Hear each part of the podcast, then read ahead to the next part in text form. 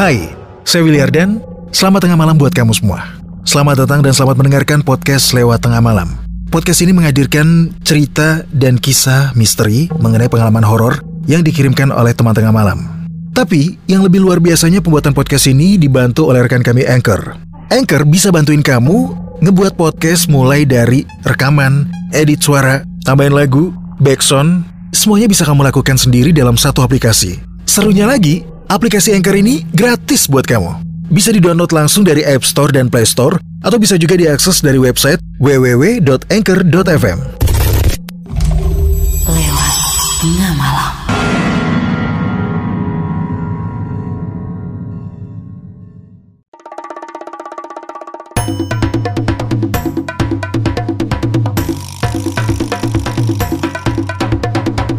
Kini Podcast Network.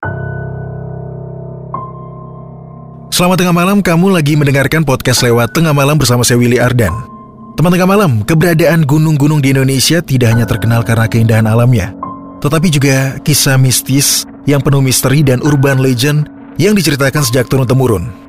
Untuk itu diperlukan mental dan keberanian yang kuat saat mendaki gunung yang terkenal akan kankerannya. Dan yang pastinya juga kesopanan dan tingkah laku saat memasuki area pegunungan. Simak kisah horor dari pendakian di Gunung Sibayak hanya di episode 169 Kampung Gaib.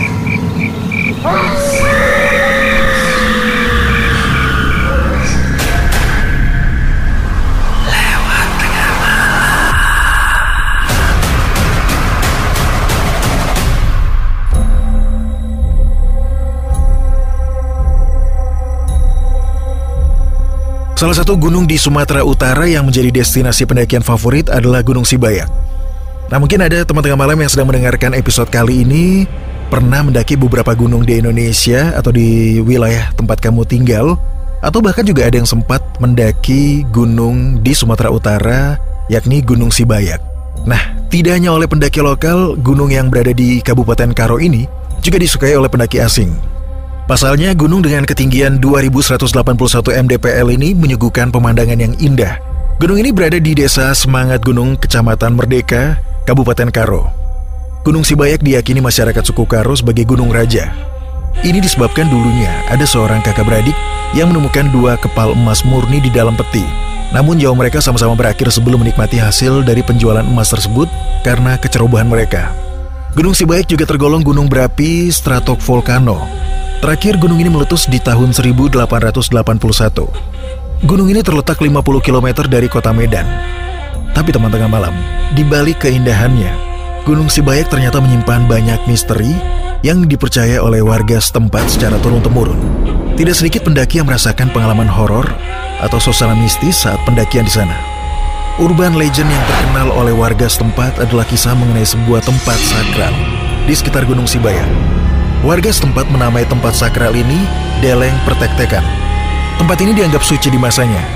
Konon dulunya di sana ada seorang yang punya ilmu tinggi dalam pengobatan. Namanya Guru Pertawar Remai. Diceritakan guru ini ahli pengobatan bahkan mengobati orang yang sudah sekarat dan bisa sembuh seketika.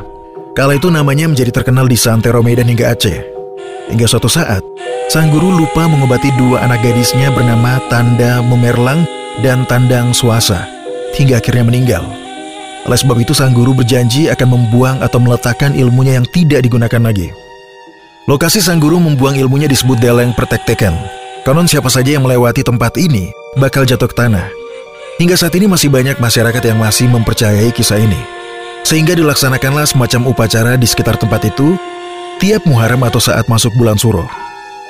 Ada juga kisah yang diceritakan oleh Era, seorang warga sekitar yang membuka warung tepat di bawah kaki Gunung Sibayak. Kisah ini bahkan menjadi salah satu cerita seram yang cukup populer di sana. Kisah pendakian Yamada Kosei, seorang warga Jepang yang mendaki Gunung Sibayak pada tahun 2013 lalu. Saat dia memasuki kawasan Gunung Sibayak, Yamada mengambil jalur yang jarang dilalui oleh pendaki pada umumnya, bahkan warga setempat. Hingga akhirnya ia tersesat di tengah pendakian. Seharusnya saat itu dia berbalik arah. Tapi sayangnya dia justru tetap melanjutkan perjalanan atau pendakiannya. Tiba-tiba Yamada masuk ke sebuah perkampungan namun tidak ada satu orang pun yang menggubris kehadirannya. Dia melihat orang-orang di kampung tersebut memiliki tubuh yang kerdil dengan kondisi kaki yang terbalik. Nah, berdasarkan dari kepercayaan warga setempat, kampung tersebut mungkin saja merupakan kampung gaib yang dihuni oleh orang-orang bunian. Orang bunian sendiri adalah sosok gaib yang tubuhnya seperti manusia dan tinggal di pedalaman hutan atau pegunungan. Menurut cerita, orang bunian menampakkan diri kepada orang-orang yang mereka inginkan atau saat mereka jatuh cinta terhadap orang tersebut. Biasanya, orang yang mereka inginkan itu saat terjebak dia tidak akan pernah kembali ke dunia nyata lagi.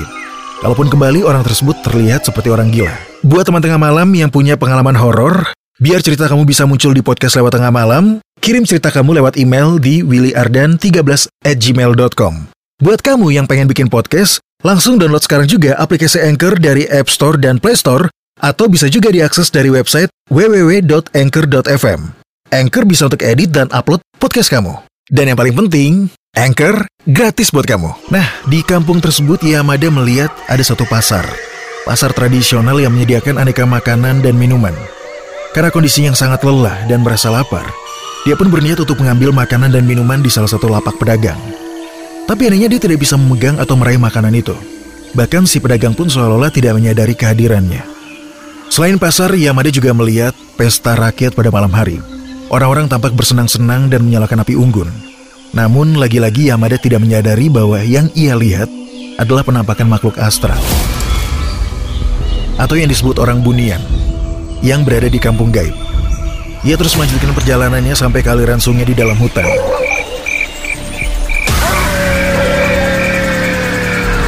Warga setempat menyadari bahwa Yamada tidak kunjung turun dari gunung dan mereka pun akhirnya segera menghubungi tim SAR untuk mencari turis Jepang tersebut. Selang beberapa hari, Yamada ditemukan dalam kondisi pingsan di hutan belakang Gunung Sibayak. Ia tampak lemas dan mengalami dehidrasi parah. Tim SAR pun segera mengevakuasinya dan memberikan pertolongan pertama. Berdasarkan pengakuannya, ia tidak sempat makan makanan yang dijual di pasar gaib itu. Ternyata, jika saat itu Yamada berhasil memakan makanan orang bunian, kemungkinan besar dia tidak akan pernah bisa kembali lagi ke alam manusia. Teman tengah malam, ternyata masyarakat Indonesia juga meyakini keberadaan tiga lokasi kampung gaib.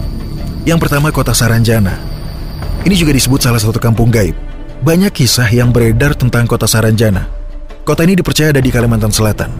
Untuk lokasi tepatnya, banyak yang percaya bahwa Saranjana berada di Pulau Halimun, atau yang dikenal pulau dengan Pulau Laut, ibu kota Kabupaten Kota Baru. Kisah-kisah mistis kampung Saranjana yang beredar di masyarakat adalah kampung tersebut merupakan perkampungan yang sangat maju atau modern. Para penduduknya juga merupakan orang-orang yang memiliki wajah cantik dan tampan melebihi dari manusia pada umumnya. Meski terdengar menarik, konon bagi siapa pun yang mencoba untuk masuk ke kota tersebut, dia tidak akan bisa kembali lagi. Wentira. Nah, sama halnya dengan Saranjana. Banyak yang percaya bahwa Wentira juga merupakan sebuah perkampungan modern dengan bangunan-bangunan yang megah, bahkan juga dengan penduduk yang cantik dan gagah. Kota Wentira konon adalah tempat kerajaan jin terbesar yang terletak di daerah kebun kopi di kawasan hutan belantara di antara kota Palu dan Kabupaten Mutong, Sulawesi Tengah. Menurut warga sekitar banyak gerbang untuk menuju ke kota Wentira. Nah salah satunya adalah di area kebun kopi yang ada di Donggala.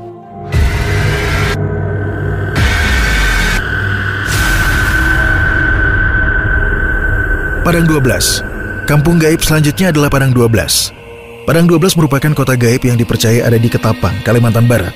Konon, kota gaib Padang 12 terdapat suku gaib bernama Limun. Kerajaan Padang 12 ini berlokasi di sebuah lahan kosong yang dipenuhi pasir dengan dikelilingi pohon pinus di daerah Kalimantan Barat. Banyak yang percaya bahwa hanya mereka yang berhati bersilah yang ditemui oleh warga Padang 12.